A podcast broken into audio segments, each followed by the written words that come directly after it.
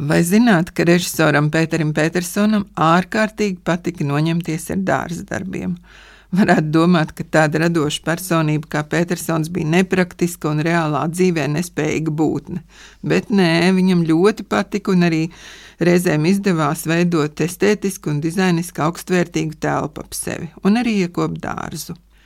Pirmā iespēja izvērsties ar dārza darbiem radās laikā, kad mēs 60. gados dzīvojām Jaundabultos līgatnes ielā pie pašas jūras. Tur tad liesajās smilšu zemē, turklāt zem lieliem kokiem, tika iekopts tāds, nu, kāds nekāds zemeņu lauciņš, dālīja rinda un pāri visam rožu dobe.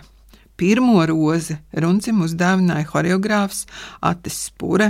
Viņš bija horeogrāfs arī un kustību konsultants izrādē motocikls, liels dārznieks būdams un pat nenojausdams, katraus režisorā vaļā milzīgu kaislību. Runcis ilgi nedomāja, iegādājās grāmatu par rožu audzēšanu, un tad sāka rakt mauriņā, mauriņa malā vārenu tranšēju kādu 20 metru garumā. Ar mietiņiem nosprauda malu kontūrus, ar cirvi izplēs koku saknes, te līdz vēderam stāvēdams dziļajā bedrē. Atceros, kā viņš stāvēja pie sava rakuma ar grāmatu rokā un ar centimetru mēru mērīja dziļumu. Tad tika savesti māli kaut kur no vidzemes, tam sekoja mēslu krava, tad melnzeme. Viss notika zinātniski. Un jūs neticēsiet, tika iestādītas kādas 40 rozes. Visas slavenākās tā laika šķirnes, sākot ar superstāru, žāru, beidzot ar Šnevidhenu un Westerlandu. Tas neticamākais, ka šīs pašas rozes vēlāk tika pārceltas uz mūsu apšciemu dārzu kur kā par brīnumu tās izdzīvoja, un vēl tagad kādas nu, 15 vai 20 mūs priecē. Vairāk kārt vasarā uzziedot, ja viens tirnas nepamanās nokostām pumpurus. Nu, es tā lēšu, ka tām tagad ir ap 50 gadu. Dārzkopībā Runcis bija ielauzījies skolā, aktīvi darbojoties mazpulku organizācijā. Un skolotāja vidinieku uzraudzībā Franču licejā pat vadot savu mazpulku nodaļu. Man ir saglabājušās skolotāja vidinieka īsās vēstules ar dažādiem uzdevumiem mazajiem dārzkopiem skolas lauciņā. Turklāt tur vēl bija arī norādījums, cikos lauciņā jāierodas, un tad arī tas darbu uzskaitījums. Vēlāk, jau pēc skolas vasarās, jauneklis, kurš bija audzis vasarnīcās un guvernanšu aprūpē, piesakās par izpalīgu sunīšos, netālu no ģimenes vasaras mītnes Inču kalnā. Tur puisim ir jātiek galā ar īstiem, smagiem lauku darbiem, ar pļaušanu, sienu vešanu, mēslu ārdīšanu un visu ko citu. Kad es vēlāk kā ministri viesojos sunīšos, man kultūras namā atstāstīja vietējo leģendu, kā Annu dienā Petersons ar saimnieku ķēvi Blesi ir iejājis Annu svinēšanas mājā un laukā jājot izārdījis virtuvē plīti.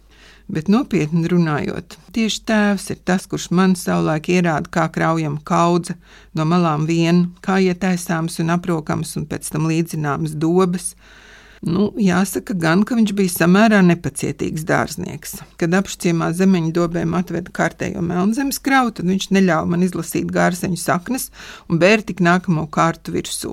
Nu, ko tu ar Petersonu izstrīdēsies? Un tā es tikai pagājušo gadu pēc kādiem 40 gadiem tiku vaļā no pēdējām gārsenēm savā zemeņu laukā. Apšciemā viņš pats izveidoja arī ļoti skaistu dārza arhitektūru ar lokveidu akmeņu apmalēm, ar imūrētām trepēm, kur malās bija rožu dobas. Upes krastu viņš nocietināja ar priežu balstiem, vēlāk tos apšuva ar dēļiem, un upīte bija tā kā iežogota. Visu dārza grunti viņš pacēla uz augšu, lai to neskar plūdi. Un vēl tagad, kad mūsu kaimiņu zemes slīkst palos zem ūdens, mūsu dārsts aplūst tikai pašās nomalēs bet visu to zemes kvantumu no kalna viņš lejā pats saved ar ķerām vienu, un upē nereti stāvēja nosalušām kājām, kamēr vēlāk sūdzējās, ka ceļos ir reumatisms iemeties. Kad būvējām māju, Petersons nereti rīkoja talkas. Tur viņš saicināja kolēģus no Rakstnieku savienības un draugus, kuru starpā bija arī diplomāti arhitekti vai profesionāli būvnieki, nu, piemēram, Gunārs Priede vai Andris Vītols. Nu, tad Runcis ar nesplēptu ļaunu prieku skaļi paziņoja visiem, ka arhitekti tikai pie palīga darbiem. Arī tad, kad māja bija uzbūvēta un dārsts jau iekārtots, pie Petersona bieži brauc kolēģi no Rakstnieku savienības, no teātriem vai ciemiņu no ārzemēm. Un tad, lai katru reizi stāsts par mājas un dārza iekārtošanu nebūtu jāstāsta no gala, viņš sev raksturīgā manierē ierunāja, visu to ēkas un dārza tapšanas vēsturi tādā mazā magnetofoniņā, ko bija atvedis no Amerikas, iekāra auklā un uzkāra ciemiņiem kaklā, lai iet un apbrīno, kamēr pats nomaina dārza drēbes pret viesu uzņemšanai piemērotākām drānām.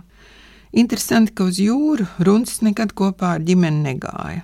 Viņš mēdza no rītiem pirms brokastīm nopeldēties, jaundabūtos jūrā, bet apšciemā dārzam cauri plūstošajā lāčpītē, pie kam tas notika jebkuros laika apstākļos, jo kopš koncentrācijas nometnē pieredzētā viņš augstumu vairs nejuta.